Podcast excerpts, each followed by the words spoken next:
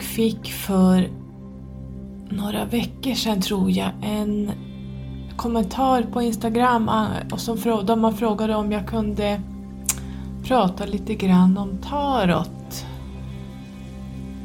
Jag har funderat på det där någon gång och jag tror det är svårt att vägleda eller prata om korten som sådana i en podd.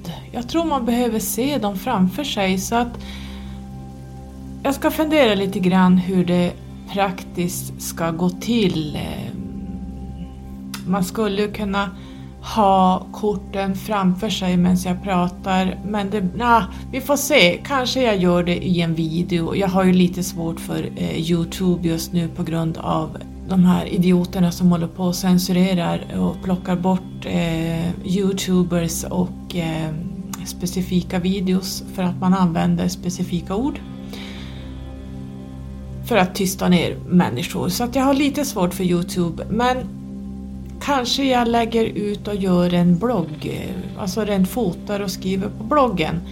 Vi får se hur vi ska göra rent praktiskt. Men idag tänkte jag jag skulle i alla fall igen prata om tarot, hur jag jobbar och hur jag ser korten. Jag tror det finns en miljard olika sätt att läsa och vägleda tarot. Men jag ska berätta lite grann hur jag gör eftersom vi säkert alla gör lite olika. En del gör kanske samma men eh, jag är mer eller mindre självlärd Naturligtvis måste man eh, lära känna sin kortlek och man måste, lära, man måste kunna sviterna. Man måste kunna numerologin, man måste se skillnad på lilla och stora arkanan. Och det tänkte jag att vi tar specifikt då det här praktiska. Jag tror man måste se det framför sig för att kunna komma in i det här. Så idag tänkte jag rent prata lite allmänt hur jag jobbar med tarot orakelkort och jag ska faktiskt också smyga in runor för ni såg kanske att jag hade gjort ett Eh, blogginlägg kring runor. Jag har ju så många saker igång hela tiden. Dels jobbar man skift och så har man Numerologin och så har jag en massa andra uppdrag som kanske ingen vet egentligen men jag, jag, jag sitter aldrig och på arslet och gör ingenting utan jag jobbar med hundra saker samtidigt. Och det här är ju mina uppdrag som jag har. Jag tänkte jag berättar då lite grann om hur jag lägger tarot. Eh, jag vet sörlänningar säger tarot. Jag har sagt det någon gång men det rimmar inte med min dialekt så jag säger tarot som vi säger här uppe i norr. Kan man även lägga orakelkort? är det en annan fråga som jag haft säkert som ligger, det har nog legat ett år. Självklart kan man kombinera orakelkorten med tarotkorten. Det gör jag alltid. Och jag lägger även in numerologiska kort som jag har i det här. För jag lägger inte tarot så ofta till mig själv. Det är oftast... Dels lägger jag ett års, eh, en årsläggning. Sen kan jag lägga kvartalsläggningar. Sen kan jag lägga för en månad. Jag kan lägga för en helg. Oftast lägger jag inte dagskort, det gjorde jag mest i början när man var ny på det här. Då la jag ett kort per dag. Men självklart kan man kombinera orakelkorten och numerologiska kort. Varför jag anser att man kan det är av min erfarenhet att de svaren Först lägger jag ut tarotkorten och då lägger jag alltid tre och så drar jag ett till som jag ska berätta om varför.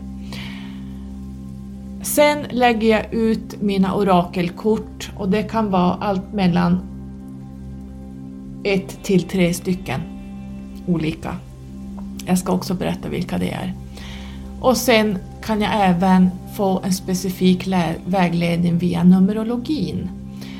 Här får jag ett stort smörgåsbord än att jag bara lägger tarot. Därför att orakelkorten och de numerologiska korten som jag lägger om, som jag ska prata om, det synkroniserar ihop tarotkorten, tarotkorten så att eh, det blir ännu mer förklaringar specifikt kan man säga för att orakelkorten är ju spot on kort lite grann. Då får du direkt bara BAM! Så här ser det ut, det här är det du ska göra. Ja, nej.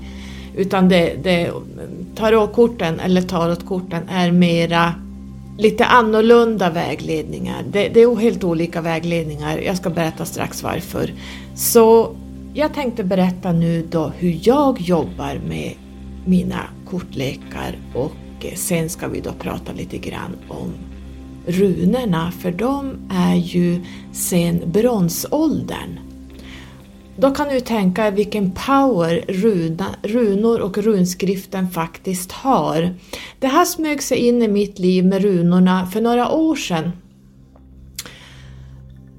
Och jag ska berätta lite mer om det efter musiken här. Men runorna har kommit, kommer mer och mer in i mitt liv. Jag förstår att det är det mest potenta man kan spå i inom situationstecken. Jag ska berätta mer om det, men runorna är det mest potenta du kan lägga ut nu när jag jobbar med de här specifika, om man då tar tarot, orakelkort, numerologin och runorna. Så runorna är mest power i som jag känner det.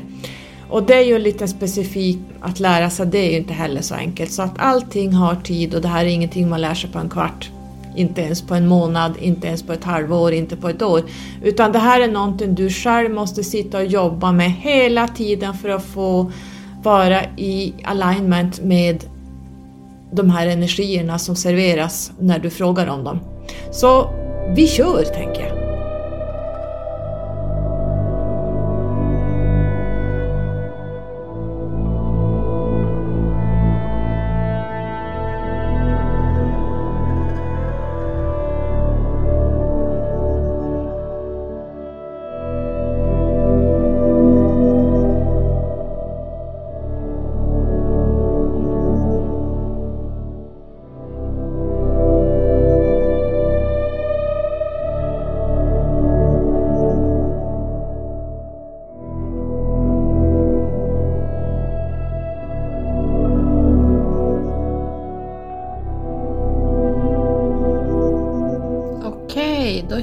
Vi lite tarot här då. Först och främst kanske man undrar vilken tarotkortlek ska man köpa? Det där tror jag man känner jag kände ganska starkt när jag skulle välja en, jag fick lite eh, kompisar som redan höll på med det här. Jag fick lite vägledningar att jag skulle köpa den eller den och sen när jag möttes av till exempel Alieste Crowleys kortlek så, det här har jag sagt flera gånger men jag säger det igen. Jag kände ett sånt motstånd, jag såg bara mörker i det här. Det, var, alltså, det blev liksom så här äh, som, oh nej, jag, alltså det, håret reste sig på kroppen, jag glömmer det aldrig. Och jag minns jag frågade min vän och sa, men gud, är det här en bra kortlek? Nej, nej, nej, den där ska du absolut inte köpa. Det där är ju själva fan, ja, så jag kände det. Men det där får man känna in. Jag har ju faktiskt nu i fjol, tror jag det var, så har jag nog sett kan det vara runt tio dokumentärer kring Aleister Crowley det är som att se en skräckfilm faktiskt. Alltså, det var riktigt vidriga saker det han pysslar med och det han är och det han har gjort. Den sista dokumentären jag såg var faktiskt en föreläsning på en och en halv timme av en eh, engelsman som hade gjort en fördjupning. Det var någon typ av C-uppsats han hade gjort han stod och pratade om honom och hans liv och vem han egentligen var. Då fick man liksom bekräftat att det här det jag kände där i början, det var inte helt fel. Så återigen, känn in med din intuition innan du väljer tarot eller tarotlek. Därför att eh, det kan bli väldigt fel. Jag är ju... Jag tror esoteriken betyder mer för oss än, än vad vi tror. Men jag köpte då Rider Waite Tarot. Eh, han heter Arthur Edward White, eller Waite, som har gjort den och Tarot kom ungefär runt 1420-1450-talet. Så det är gammalt, men om du tänker runorna som har varit sedan bronsåldern så förstår ni deras magi och potential. Den är ju outstanding. Han var ju Arthur Edward White som jag pratar om nu då med eh, Rider Waite eh, Tarot. Han var ju en okultist och mystiker. Han var ju esoterisk eller kunde ju stor, hade stor kunskap inom den esoteriska traditionen. Den tarot leken blev min och jag köpte den här mindre modellen, den här pocketmodellen. Och den hade jag nog kanske ett år, ett och ett halvt år. Tills jag var på mässan i Stockholm med eh, en av mina vänner där jag köpte mig en ganska stor sådan och det är den jag använder idag mest. De här bilderna som då är gjorda på Rider Waite Tarot är ju väldigt enkla att titta på. Alltså de är så specifika att du kan aldrig läsa fel och de här när man läser tarot så ska bilderna tala till en. Och är det för gruligt, och det, alltså, om jag tänker med Alias de Crowleys kortlekar, alltså där är bara ett enda grull. Alltså det, det är ju helt... Nej, jag resonerar inte med dem. Utan den här Pamela Coleman Smith, hon kallades för Pixie. Hon var ju då en, en ehm, om jag minns rätt, en brittisk artist. Hon var illustratör som jag. Hon var en ehm, ehm, författare och hon var faktiskt också okultist. Och hon är ju mest känd för illustrationerna till Rider-Waite Tarot eh, som det är Rider-Waite Smith Tarot, alltså den har ju många namn, för eh, den här Arthur Edward White. Så hon blev nog mest känd för alla tarotbilder på den eh, Rider-Waite tarotkorten. Och jag tror det är, var, blev ett vinnande koncept för att hennes illustrationer är så klockrena, de är så klara och varje gång man tittar på ett kort så hittar man hela tiden någonting nytt som man inte har sett tidigare. Så det kanske var det jag hade att säga just om vilken kortlek jag använder i tarot. Om ni har kanske hört om eh, svarta magiker. Jag tror jag, skri jo, jag har skrivit en eh, artikel kring eh, svart magi på min hemsida. Aleister Crowley var en svart magiker, så då får man välja om man vill jobba med den energin eller om man vill jobba med den ljusare energin.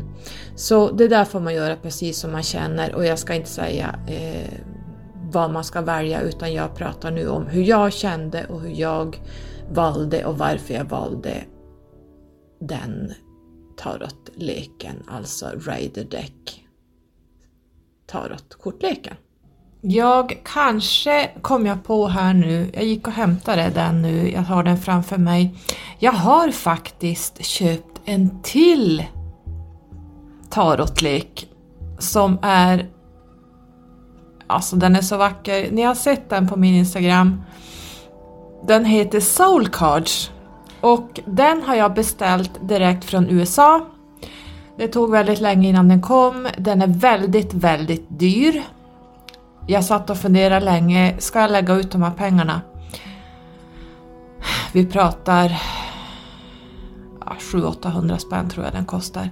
Sen så när den kommer in till Sverige så får du betala tullavgift så det var bara ut med 200 spänn till. Så att eh, runt en tusenlapp kostar den i, i runda slängar. Ja, det kan hända att det blev lite mer, jag kommer inte ihåg exakt om man översätter dollar. Men till slut så kom den. Jag tog den som är rosa. Den här talar till mig därför att den den är väl, det är absolut ingenting för nybörjare, så ni ska absolut inte köpa Soul Cards. För i den här boxen finns det ingen beskrivning med.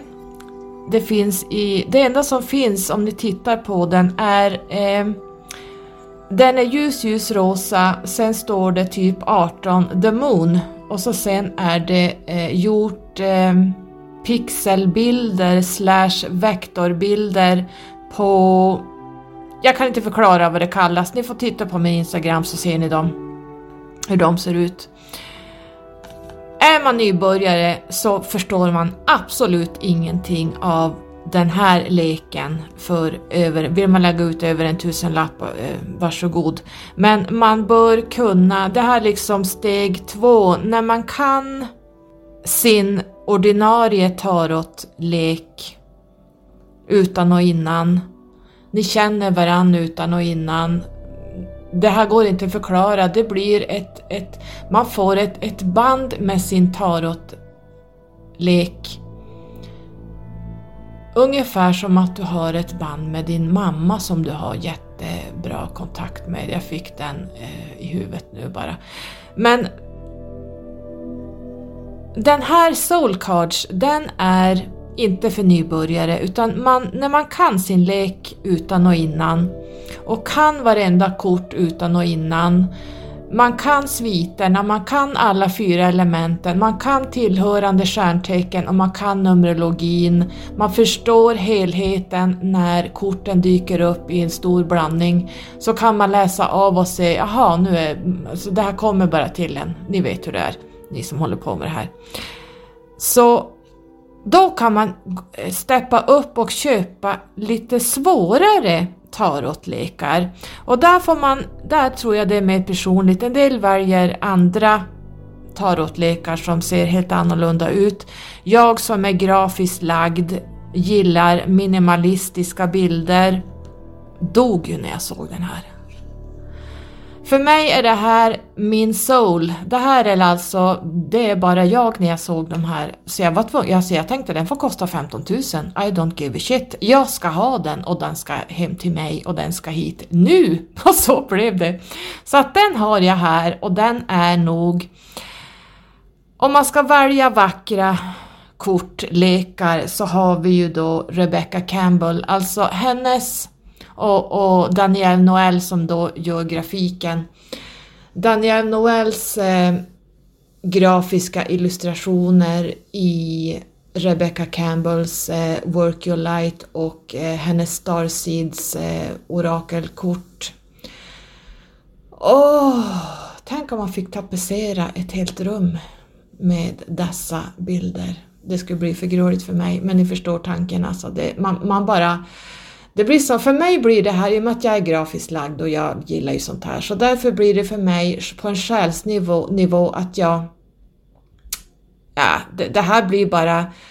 Det här blir bara lycka, fulländning när jag, ser, när jag jobbar med såna här uh, kort. Så därför blev det Soul Cards Tarot jag tror den finns i svart och guld, den finns i rosa och guld och den finns även i vitt och guld om jag inte minns fel. Jag tog den rosa, jag satt och funderade länge.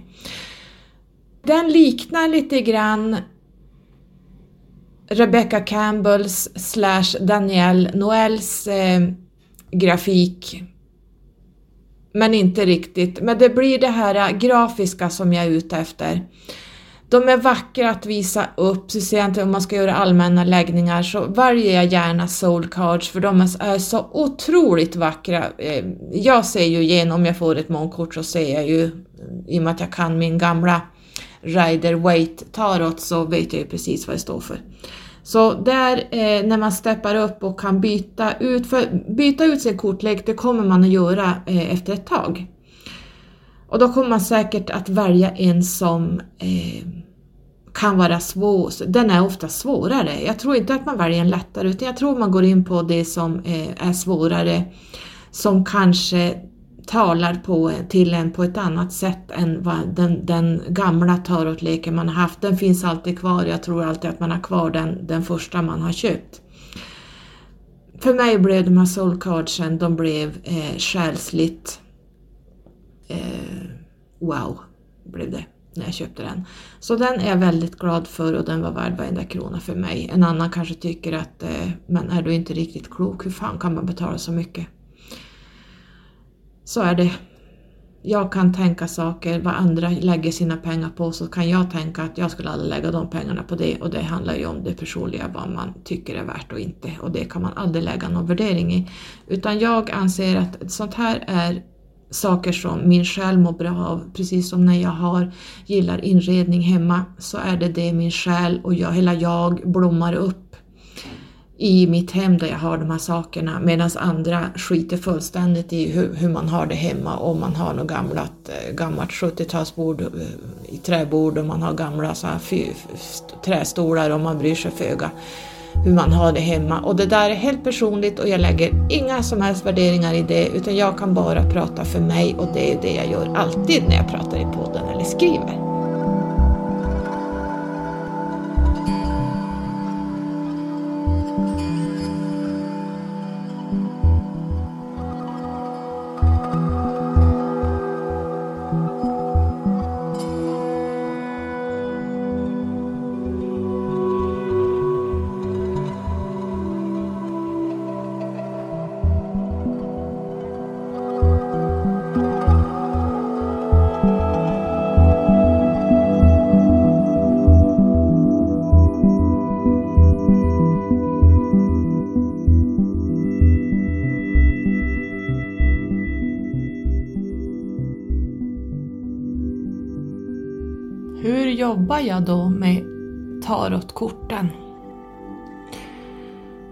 Ja, jag går oftast och väljer ut då vilken tarotlek jag ska använda och lägger den på köksbordet.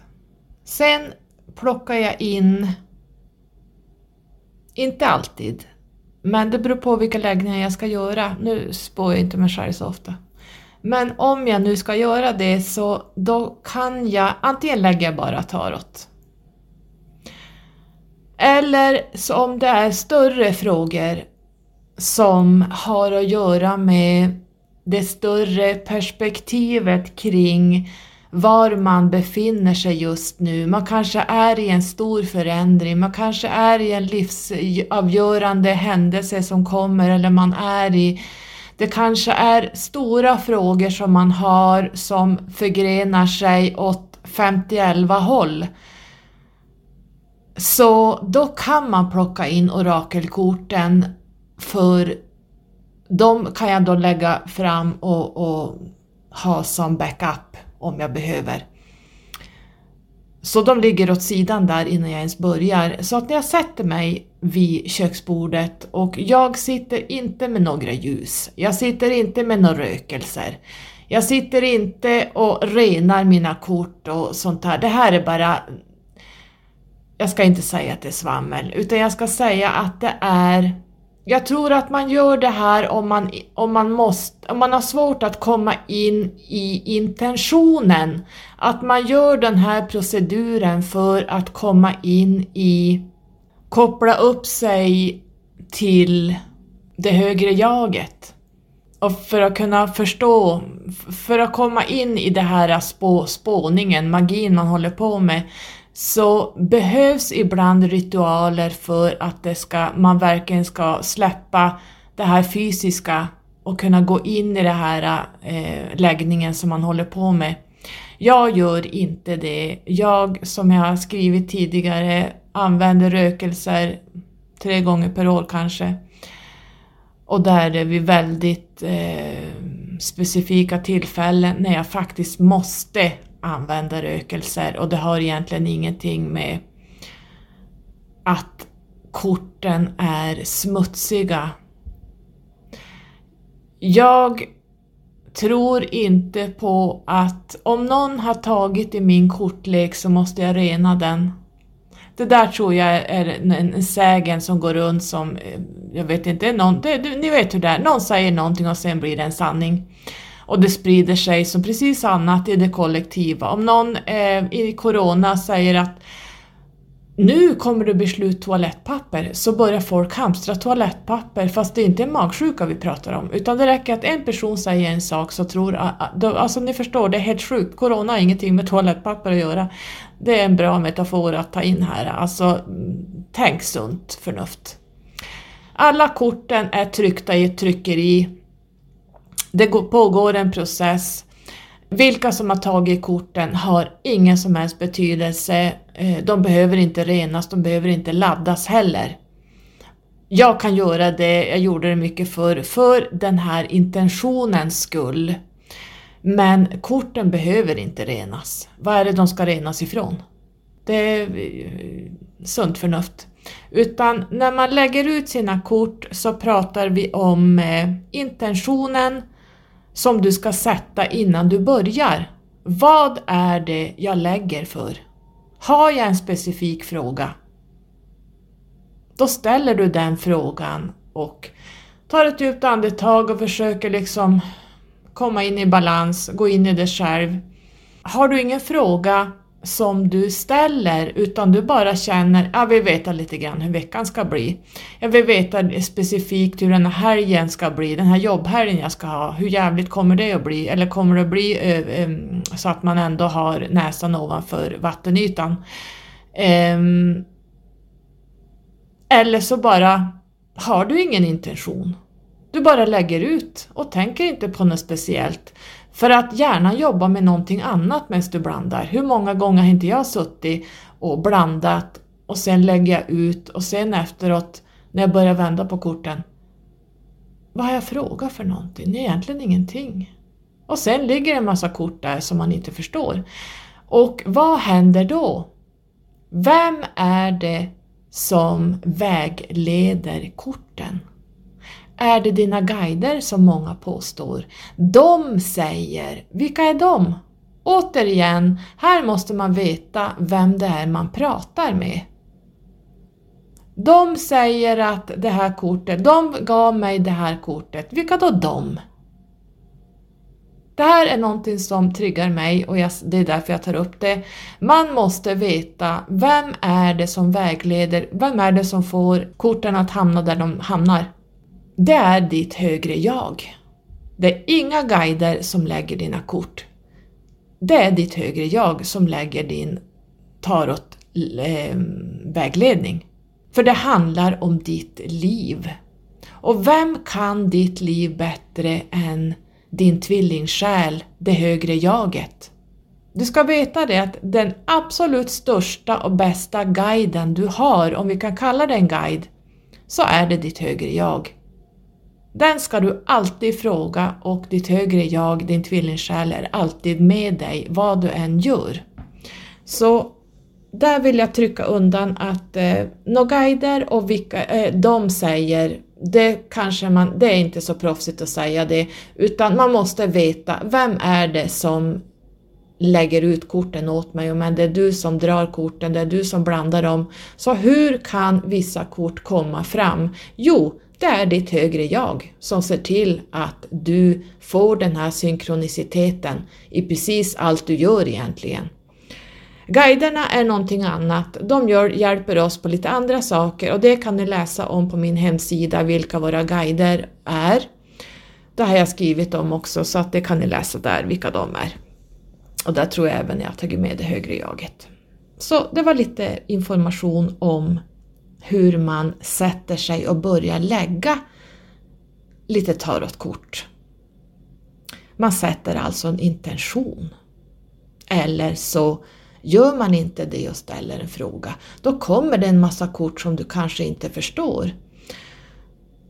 Men efter ett tag, jag pratar ur egen erfarenhet, efter ett tag så ser du vad som kom. Och vad är det då som kommer? Jo, det kommer vad du är i just nu.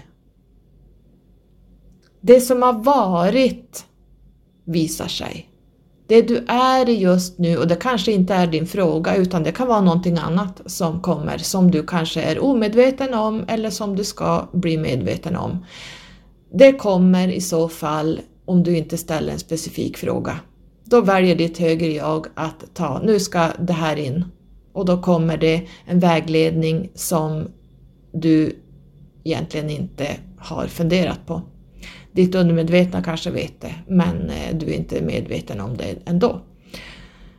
Om vi säger så här, hur många kort lägger man? Jag lägger ju inga sådana här eh, konstellationer men det ska läggas kort kors och tvärs och fem till höger och tre till vänster och man ska göra cirklar och man ska göra trianglar och man ska göra you name it. Nej, jag jobbar inte så. Jag jobbar alltid för det mesta med tre kort, tre till fyra kort. Och då lägger jag alltid ut tre. Alltså när jag blandar och när jag satt intentionen och började blanda gör jag en sån här pokerblandning kan man kalla det för. Ni vet när man, sätter, man delar kortleken i två och så blandar man mot varandra så, här, så det blir ett speciellt ljud. Där sitter jag och blandar. Jag kan titta ut genom fönstret, jag kan tänka på andra saker eller så tänker jag på vad jag vill fråga om. Och sen känner jag, jag kan inte säga att du ska blanda tre gånger. Det är olika från gång till gång. För jag vet att i början så, så, så tänkte jag, jag ska blanda tio gånger och sen när jag blandade tio gånger så kände jag det är inte klart, jag måste blanda fler. Det här känner man, man känner när man har blandat klart. Så det går inte att säga specifikt att man måste blanda si och så mycket eller lite, utan det känner man. När du har blandat en pokerblandning så lägger du ihop korten och så lägger du ut tre högar. 1, 2, 3. Därefter tar du korten och lägger dem i olik ordning än den du la ut dem så att eh, du tar varje hög och sätter ihop dem fast på ett annorlunda sätt än när du la ut de här tre högarna. Sen sätter du ihop korten igen. Sen börjar jag i alla fall kupera. Och hur länge ska man kupera? Samma där som när man gör en pokerblandning. Jag kuperar tills jag känner att nu har jag kuperat klart. Jag kan inte säga att man ska göra det tre gånger eller fem gånger eller tio gånger. Jag kan sitta där, antingen gör jag det två gånger så känner jag nu är det klart eller så får jag sitta 20 gånger och då först känns det klart. Och det här är signaler du får från ditt högre jag för att du ska få fram rätt kort. Så blandar dina händer intuitivt så rätta korten ska komma fram. Det är därför man inte ska styras efter jag ska blanda bara tre gånger för hur ska du då kunna få fram rätta korten? Utan du måste känna in hur mycket ska jag blanda? Det känner man. Och sen när du har kuperat klart då är det många som lägger ut sina kort där, men jag gör inte det. Jag blandar igen. Då blandar jag en pokerblandning igen Oftast här blir det tre till fyra gånger om jag nu tittar bakåt hur det brukar se ut. Oftast då behövs det lite, lite blandning till för att rätt kort ska komma upp. Och när jag sitter här nu från kuperingen så börjar jag verkligen gå in i det jag vill fråga om. Det börjar redan vid kuperingen. Nej, vid, eh, ja, alltså när man, när man kuperar i, i händerna så att säga. Du håller kortleken i vänster hand och så, om man är högerhänt så kuperar man in där. Redan där börjar jag sätta intentioner för frågan och därefter visar det sen sig hur mycket sista blandningen kommer att bli för att rätta korten ska komma upp. Redan där kan jag säga att jag tittar, när jag gör sista blandningen så brukar jag ibland kika om vänstersidan ändrar sig när jag eh, gör en pokerblandning så ser jag att det ändras inte, då vet jag oftast att de här korten kommer inte förändra sig, de ligger överst hela tiden så att då vet jag att nu kan jag sluta. Och sen drar jag ut första kortet som jag drar, lägger jag bort. Det blir dagens kort. Sen lägger jag ut tre kort och det första kortet är dåtiden, det som redan har hänt. Sen nästa kort är nutiden, det är just nu. Och sen det tredje kortet är vad som kommer. Lackkort ligger alltså, dåtiden har redan hänt och det bekräftas ju i och med att du ser det kommer alltid rätt kort upp så då kan du bekräfta att det här har ju redan hänt och det vet man. Eh, så det är egentligen inte så intressant att se, det blir bara en bekräftelse. Sen eh, nutidskortet där du är just nu det blir också en bekräftelse att yes, det där stämmer, det är precis det jag är i just nu och sen det sista kortet kan bli jätteroligt eller så kan det bli ett helveteskort. Och många här blir besvikna och en del blir jätteglada, beror på vad som visas. Men här ska jag vilja säga att ingenting är skrivet i sten. Eftersom när jag skrev om brunarna igår så kan ni läsa där att vi förändrar vi har en fri vilja och vi interagerar med många människor hela tiden. Alla som vi interagerar med har också en fri vilja så att det är inte säkert att det här är skrivet i sten att den här utgången kommer att bli. Utan här har du däremot chans att förändra utgången om det är en dålig utgång. Och då är du förberedd det betyder inte att det kommer att gå åt helvete. Det betyder att nu ska du fundera på det här, du kan ta tag i det här, du kan förändra detta. Det blir en liten förhandsvisning att här har du chans att ändra. Får du ett jättebra kort, fortsätt som du har tänkt i den specifika frågan. Jag kanske skulle berätta om det dagens kort som jag lägger åt sidan. Det vänder jag på på kvällen. När hela dagen har gått så vänder jag på det på kvällen. Antingen när jag kommer hem från jobbet sent, jag kanske är hemma vid 22, 22.30, 23, 23.30, det beror på när man kan komma iväg hem från jobbet. Och på vägen hem kan jag börja fundera på det här kortet. Eh, just ja, då går man, när man har varit på jobbet och på väg hem, då börjar man liksom komma tillbaks till Oj då, vad gjorde jag i morse? Ja just det, det känns som en vecka sedan jag var hemma, men vad gjorde jag? Jo, jag la tarot idag, tarot. Och jag hade ett kort, dagens kort. Sen går man igenom den här dagen. Har man varit ledig kan man gå igenom vad som har hänt. Du tränar din intuition, men du kan även gå igenom vilket helvete du kanske haft på jobbet och det kanske har varit så dränerande att du får krypa hem. Så lite energi har man kvar. Det beror på vad man jobbar med. Där, redan där kan intuitionen gå in och veta vad det är för kort som ligger som dagens kort. Så när jag kommer hem, låser upp dörren, klär av mig, packar upp alla mina jobbsaker, jobbväskan som jag har, eh, sätter mig och tittar på det här kortet, så drar jag det mot mig håller det framför mig och så vet jag att ja, det är det här kortet som kommer att ligga för den här dagen såg ut så här. Och så vänder jag på kortet och eh, det har aldrig hänt hittills av alla mina läggningar jag har gjort att det har varit ett fel kort som har legat. Så korten ljuger aldrig utan då får jag bara en bekräftelse att min intuition är 100%. Det här är jättebra för självkänslan. Um, om man vill hålla på med det här så, så blir det en bekräftelse att eh, intuitionen har aldrig fel. Du vet exakt vad, som, vad, vad det är för kort som ligger där. Så att det här är en bra träning när man vill träna upp sin intuition också, att eh, lägga bort ett kort. Man behöver inte, man kan bara lägga ut de här tre om man lägger tre då. Så kan man då det första kortet kan man lägga åt sidan om man vill träna sin intuition. Så kan man ta ett dagens kort på sidan om. Så jobbar jag i alla fall när det är kring tarot. Jag måste tänka om det är någonting mer. Någonting som jag tror inte så många vet när det gäller tarotkorten är ju att när du har lagt ut dina kort så kan du lyfta på resterande kort som ligger kvar i högen så lyfter du på den och tittar längst under. Där har du ditt kort, ditt shadow-kort. Och det kan vara, eller det är någonting som du ska jobba med från det, din shadow, dina mörkersidor.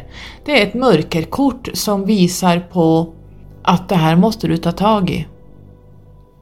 Så, och det kan vara saker som du kanske inte förstår när det kommer upp. Men jag tror om man kan sviten, om man kan hur talet är uppbyggt, eh, så ser man vad det är för shadow card man har längst under i tarotleken. Jag hör nästan att det är någon som börjar fråga kring det högre jaget, din tvillingsjäl. Jag, om man tittar från ett högre perspektiv ovanför alla tolv dimensioner som vi har inom våran eh, universella solsystem. Så vi har i alla fall tolv dimensioner som vi jobbar inom, som vi höjer oss till. Och sen när vi har nått den tolfte dimensionen så eh, blir man, går man tillbaks till källan. Det högre jaget är mycket högre upp än dina guider. För dina guider kan vara allt från A till Ö. Så guiderna som högst upp kan de vara från den tolfte dimensionen och neråt. Det beror på vilken guide du jobbar med. Men det högre jaget är betydligt högre upp. Det är ju utanför den tolfte dimensionen, alltså där, där, de har ju i princip, det är ju källan du pratar med. Och det högre jaget är Gud som jag brukar säga. Det finns ingen Gud utan det högre jaget är det allvetande alltet. Och därför ska man ha högre jaget som sin huvudguide egentligen. Jag brukar säga att min Hopi Kachina, eh, Minatra som hon heter, att hon är min huvudguide. Hon är min huvudguide. Men det högre jaget är, om vi nu ska separera det här, det är eh, Gud, alltså det, mitt högre jag är betydligt högre än vad guiderna är. Fast ibland kan man samlingssäga att det högre jaget också är en guide, men jag tror ni förstår skillnaden när jag berättar det så här. Sen ska vi även, eller jag kanske ska berätta lite grann om det linjära. Tarot är ju livet som du lever just nu. Alltså cyklerna, när du byter cykler, personen av dig själv i olika händelser i olika cykler och tarot är inte statiskt. Numerologin är statisk. Den är fast och den står fast, den går inte att förändra. Har du en numerologisk planritning så är den statisk, den räcker hela livet. Tarot kan du inte spå från där du föddes till det du dör. Det, det går inte. Utan tarot handlar om de här tidslinjerna som du går ut och in ifrån hela tiden och därför är det här tredje kortet viktigaste när du lägger tarot. För där kan du gå in på andra tidslinjer och titta vilka förgreningar som finns där och gå på andra tidslinjer så får du en annan utgång. Så gör jag när jag jobbar. Jag kan, om det inte är läxor vi ska lära oss, jag har ju ingen karmisk läxa överhuvudtaget, däremot har jag ett skuldtal. Och det här skuldtalet som jag har, det kan komma upp ibland och då vet jag, i och med att jag vet vad det är för skuldtal, då vet jag att ibland kan jag välja att, att eh, inte förändra det här sista kortet. För då vet jag, här kommer läxan här som jag ska lära mig. Och men jag vet vad jag ska lära mig så vill jag ändå gå igenom den för att verkligen befästa det och förstå läxan. Förstår ni hur jag menar? Jag har ju pratat lite grann om, om karmiska under nomologin. Kar, man, kan, man kan ha karma med sig och så kan man ha skuldtal. Skuld, karmisk skuld är inte en karma, det är, en, det är en ytterligare läxa eller lärdom man ska lära sig. Ibland när jag ser de här tredje korten som ser mindre roliga ut, utgångar, ibland så struntar jag i att gå in på olika tidslinjer och förändra, ibland så går jag igenom det för att jag känner att mitt högre jag trycker på att förändra inte det här utan nu går du igenom det här. För du har den här skulden och där är fan bara passera igenom den. Så ibland så väljer jag att inte förändra för att när vi ska börja stoppa huvudet i sanden och springa ifrån jobbiga saker så kommer de här att fortsätta komma tills eh, döddagar i 10 000 liv. Vi måste ta tag i våran karma, vi måste ta tag i våra läxor och när de kommer så ska vi passera dem tills vi har lärt oss dem och då kommer de sluta att komma.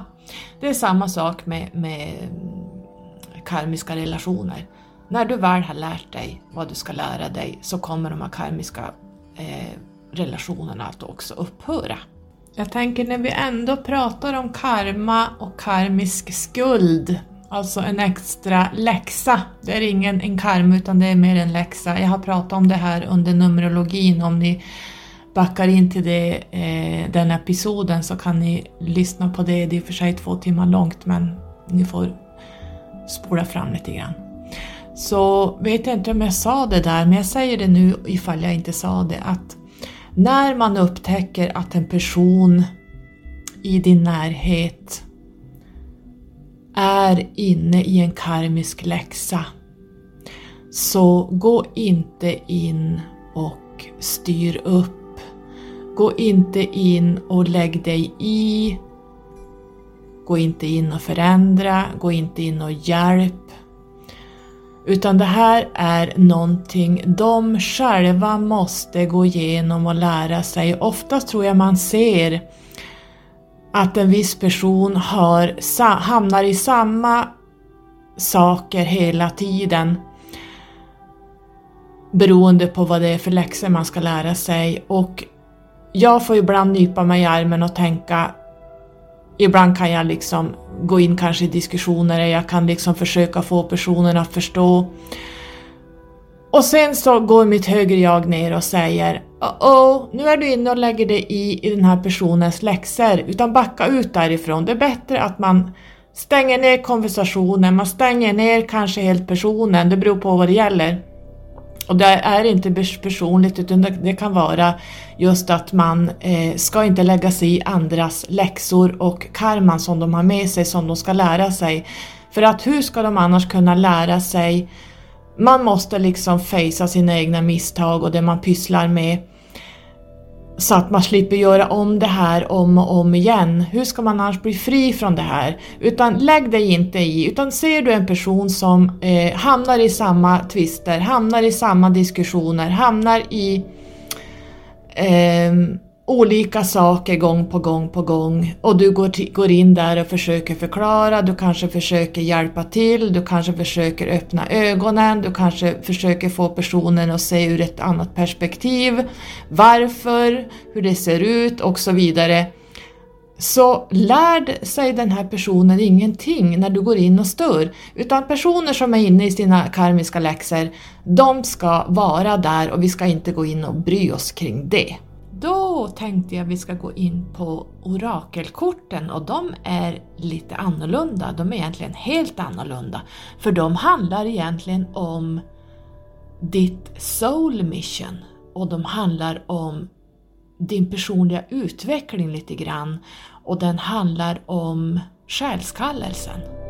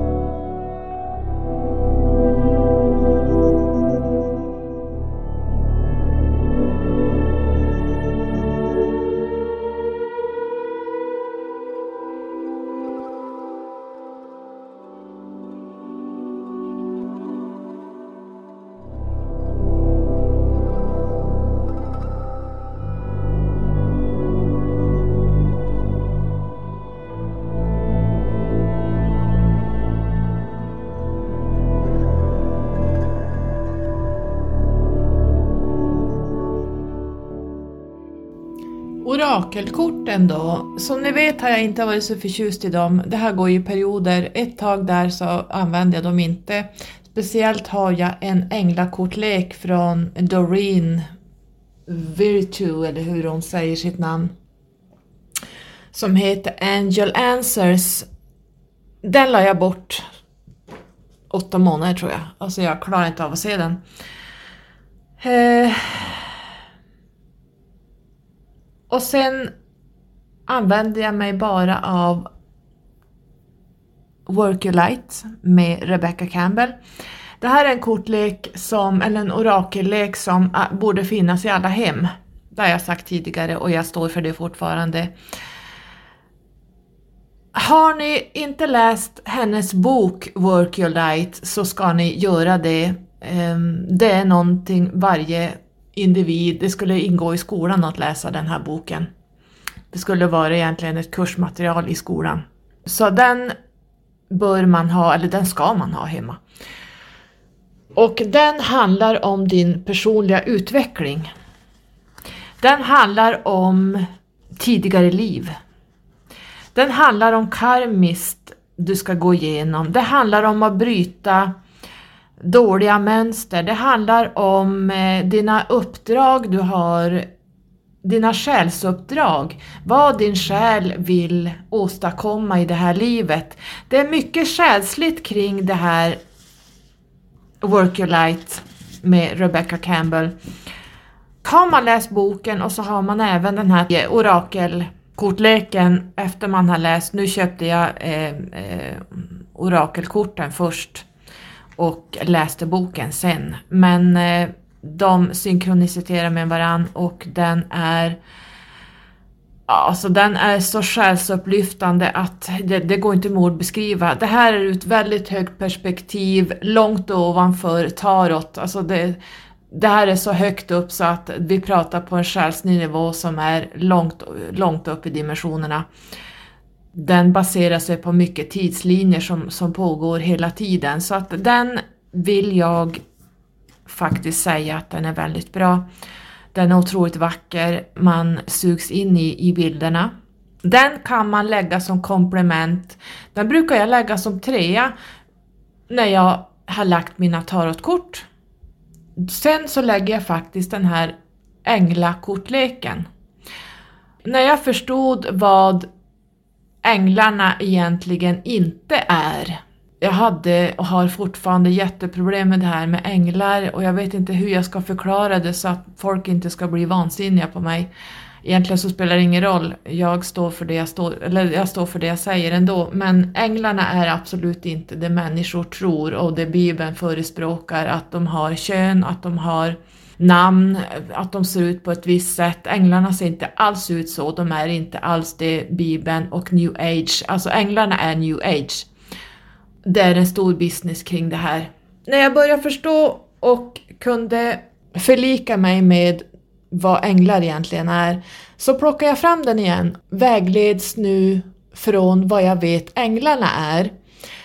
Helt plötsligt så börjar den jobba med mig på ett helt annat sätt. Ett positivare och bättre sätt. Så den lägger jag som tvåa om jag vill ha större, mera specifika svar än vad tarotvägledningen gjorde. Så då kan jag lägga ett till tre kort under och då kommer svaren exakt som tarotkorten har visat fast med lite mera klarare svar. Sen kan jag, om jag gör en stor läggning, om jag har jättestora frågor som kan vara svåra för det handlar ju om många tidslinjer som pågår i 50 förgreningar. Så då kan jag även som trea lägga eh, Work Your Light. Då får jag lite känslig vägledning. Och sen så har jag då, som jag visar på min video, så har jag köpt, vi ska se, jag har den här, den heter Starseed Oracle. Och det är också Rebecca och Daniel Noel, Noels eh, senaste orakellek och det här är egentligen för Star Seeds. Så jag tänker att jag går inte så djupt in på den för att det är inte så många kanske som har ett Star Seed-uppdrag. Och den, det är bara kosmiskt alltihop. Det handlar bara om kosmos, det handlar om väldigt höga dimensioner som man kanske inte förstår om man inte har kontakt med sin grupp, sin alien-grupp. Och då kan det bli väldigt svårt att förstå det här om man inte är en starseed. Så jag tänker, jag går inte så djupt in på det för de flesta kanske tycker det är onödigt att lyssna om man inte känner att man är en starseed. Men den handlar om, den brukar jag lägga ut när jag vill ha det här högre syftet i mina uppdrag som starseed. Då lägger jag ut dem som etta, tvåa, trea, som fjärde raden och då får jag se vad jag, har, vad jag är i för uppdrag just nu, hur det går med de uppdragen, vad jag ska tänka på. Våra alien-grupper som vi har, nu har jag min Sirian-grupp som är från den nionde dimensionen och jag kan lyssna på dem men mitt högre jag är betydligt högre upp än vad min Sirian-grupp är. Så därför är mitt högre jag den som jag lyssnar på alltid. Men som Starseed-uppdraget jag har så är det min grupp jag pratar med och eh, då kan jag även lägga The Starseed Oracle, alltså Orakel Starseed som då Daniel och Rebecca har kommit ut med. Sist men inte minst så lägger jag även Numerologin. Inte alltid. Den här är lite ibland, ibland inte. Numerologin jobbar ju jag med hela tiden. Jag vägleds ju av Numerologin ja, så tre, tre gånger per timme så får jag SIP-filer från numerologiska nummer som kommer och de här kombinationerna kan jag idag. Det är det sättet mitt högre jag, mina guider som jag vet exakt vilka de är. Man måste veta vem det är man pratar med och man måste veta vem ens guide är och vilka guider man har. Och man ska helst, om man, inte kan namnet på dem så ska man veta att det är vilka de är. Man kan inte bara säga dem. Vilka är de? Är det någon eh, reptil du pratar med eller en demon eller en, en poltergeist? Utan du ska veta vilka dina guider är, det ska du ta reda på först och främst. Numerologin får jag till mig hela tiden i siffror. Det står egentligen ovan allting jag har pratat om, för Numerologin är så potent att den, den har aldrig fel. Det är universellt språk. Det här är ju precis som universum är uppbyggt av siffror. Allting går att räkna ut, allting, varje siffra har en vibration, precis från vinden till eh, planter till träden. Allting som är uppbyggt av DNA, allting är byggt på siffror. Jag ska inte gå in på det här för att tråka ut er. Eh, så Numerologin är ju min största, mitt största mediala verktyg som jag använder dagligen dags. Och det, det sker på jobbet, det sker på affären, jag ser det hemma när jag borstar tänderna, när jag ser TV, när jag går ut och går så ser jag Numerologin precis överallt och det är en liten konst att lära sig det och det vet ni som håller på med Numerologin. Det handlar inte bara om att se 1111 eller 2222 utan Numerologin är betydligt större än så. 1111 eh, är ju oftast ett uppvaknande nummer, att man eh, förstår att nu håller min själ och mitt högre jag på att väcka upp mig för att jag ska förstå att jag är inte bara en fysisk människa som lever i den här 3D matrix-styrningen, utan jag är multidimensionell som, som interagerar med alla dimensioner samtidigt. Och jag kommer från betydligt högre dimensioner och galaxer än vad jag trodde. För vi människor, fysiska människor som är helt stängda, 3D-människor, de går bara omkring i work, eat, sleep and repeat och vad man ska göra och alla måsten. Allt fysiskt, det är det man, man, man ser. Och man tror helt på programmeringen och man ifrågasätter ingenting varför man gör det man gör. Så numerologin, numerologikorten kan jag lägga ut som sista längst ner där det blir Oftast kommer de korten som jag redan har fått förhandsgranskning av, jag har sett de här siffrorna som kom senaste timmen, eller så är det ett, ett siffror som dyker upp under hela dagen, det slutar aldrig komma och då vet jag att nu måste jag ta tag i det här, vad är det de vill säga? De, nu säger jag dem, men vad är det mitt, eh, mitt eh, andliga team vill säga? Och då vet jag vilka det är som skickar dem. Ibland är det mitt högre jag som skickar det, ibland är det Kachina Minatra. Ibland är det Syrien som går in, inte alltid, men ibland kan de dra till vissa saker. De har andra symboler som de använder. Och de använder även eh, light language. Men Numerologin är ju för mig är Numerologin som kommer så här under dagarna, det är budskap och zip-filer som kommer ner, downloads, där jag ska bli jag ska tänka på ett specifikt sätt. Det kan handla om, eh, handla om saker jag ska göra, som jag kommer att göra och hur, hur jag ska tänka där. Så de här numerologiska korten som jag har, de är ju väldigt bra komplement till att förstärka numerologiska saker som dyker upp under dagen. Man kan vara utan dem. Det kanske är lite svårt att förstå numerologin om man inte kan den, men jag, i och med att jag är numerolog så har jag det som komplement. Jag lägger inte alltid ut dem, men ibland så gör jag det om det är jättestora saker som jag står inför. Så vill jag ha alla de här korten ute för att få en stor helhetsbild av vad det är jag kommer att gå igenom.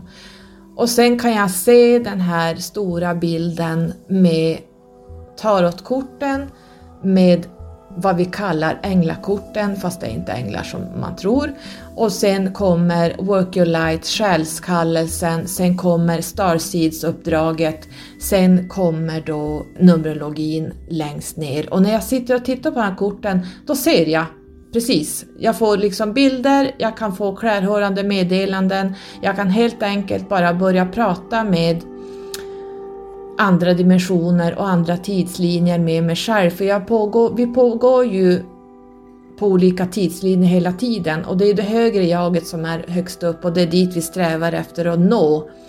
För att då ta oss upp i varje liv så ska vi gå igenom de här karmiska läxorna, vi ska gå igenom de här lektionstalen, vi ska fokusera in på de uppdrag vi har när vi gick ner. Och det kan man se på planritningen, vad det är jag egentligen kommer att pyssla med. Och det visar sig också att det är det här jag dras till. Och det är kanske det här jag försöker jobba med hela tiden. Så det är väldigt intressant när man börjar titta. Och korten är ju ett hjälpmedel och korten har aldrig fel som jag brukar säga. Utan man vägleds ju helt rätt i det man är i. Man kan förändra det som kommer det man är i. Ibland ska vi inte göra det. Jag väljer många gånger att inte förändra för att jag vet, ibland vet jag ju att det här är någonting som är en läxa och då ska jag gå igenom det. Så då väljer jag att men det är bara att göra det. Så är det bara. Så att man kan inte fly, man kan inte stänga igen eh, sina kort och tänka fy fan vilka jävlar, nu kom tio i svärd i ryggen här. Eh, det är bara liksom fejsa det. Och sen kan man titta på varför det hände. Varför har det här hänt? Varför har någon stuckit tio knivar i ryggen på mig? Det kan bero på att det finns personer som, som inte har börjat jobba med, med saker de ska jobba med och de sitter och kastar i avundsjuka knivar i ryggen, svärd i ryggen i det här fallet. Det kan vara saker, ja men det kan vara allt från A till Ö så att det, eh, det är bra att få förhandsvisningar. Ibland ska vi gå in och förändra dem och ibland det där känner man. Och ibland så går man faktiskt igenom, man bara går igenom dem. Och sen kommer man ut på andra sidan och så känner man bara åh, så skönt. Nu har jag gjort bort det här, nu är det borta.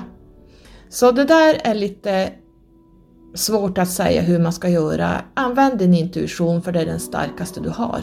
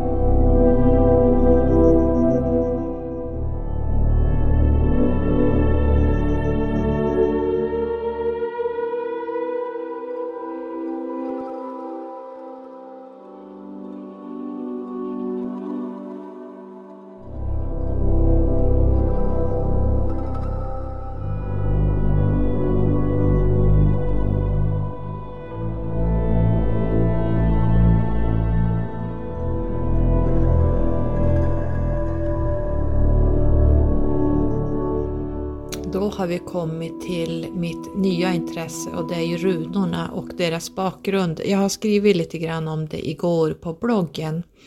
Och runa betyder ju viska, hemlighet eller dold. Och det här är ju ett skandinaviskt ord och jag tror, eller jag vet att det kommer ifrån så långt bak som eh, bronsåldern. Och det här var ju någonting som gick muntligt i arv från moder till dotter. Det här var ju en tidsepok för ungefär tusentalet. Det var ju då kristendomen gjorde intrång och förslavade och programmerade och styrde in en hel värld att vi skulle tro på Bibeln och kristendomen. Så då försvagades de här runornas magi. Egentligen försvagades de inte, men de, de blev inte så... Det var inte så många som... Man la dem åt sidan, de försvann lite grann. Ni kan läsa mer på min hemsida, men runornas magi var ju att man började egentligen med att, eh, för på den tiden fanns det ju inga telefoner och det fanns kanske inte något papper heller och det fanns ingen, ingenting man kunde kontakta folk med. Så att man gjorde de här runskrifterna och kastade ut dem så att eh, vissa personer skulle hitta igen dem så då förstod man att oj då, här har det och det hänt och eh, där händer det och man, man började jobba med den här magin eh, väldigt tidigt. Långt före kristendomen och långt före tarotkorten. Och det jag tycker var rätt coolt det var att redan på den tiden förstod man att ingenting var någonting som kommer random utan ödet var inte förutbestämt. Man sa att allt skapades av våra handlingar, både i det förflutna och i nuet och så är det ju. Eh, lagen om orsak och verkan. Vi vet ju att det är så när vi säger eller gör någonting så får det en konsekvens. Och det förstod man redan på den här tiden. Än idag så, så har vi ju inte, vi, vi är ju fortfarande i den här bristen att när vi får saker som händer så har man inte förstått att det här är en konsekvens av ett handlande, det här är en konsekvens av det och det.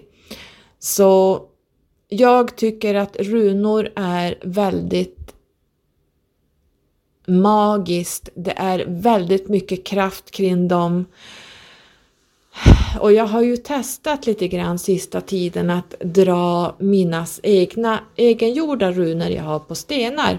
Och jag stoppade dem i en påse och så drog jag två stycken runor som kom upp. När jag började läsa om dem så nu vet man bara, åh herregud.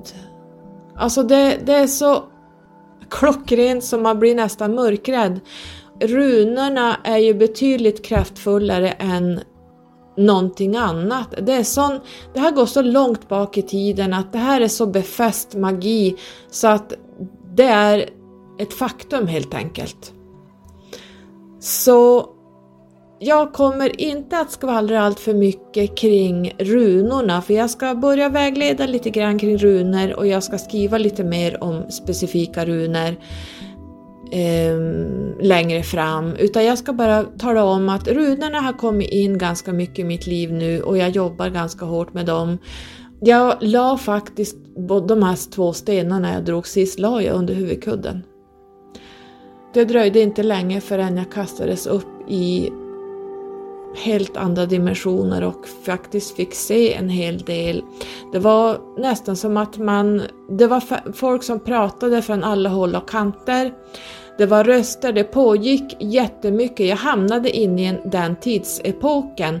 Jag fick se hur man levde på den tiden. Jag fick se och höra, alltså det var säkert 15 personer som pratade hela tiden kring de här stenarna som jag hade dragit så till slut var jag tvungen att ta bort dem under, från kudden, lägga bort dem för att jag behövde sova. Så att det här är en enorm kraft. Jag fick ju en förhandsvisning från den här tiden och kring de här två runorna som jag drog. Ja, det var helt wow, otroligt. Ehm, det var liksom, jag fick se in, the, in, alltså ungefär som att du kliver in i en film och, på den här tiden och får se personer, du får se händelser och man, hur man pratade på den tiden. Det var rätt häftigt. Så då bestämde jag mig för att jag ska nog fördjupa mig lite mer kring runorna så att det kommer eftersom.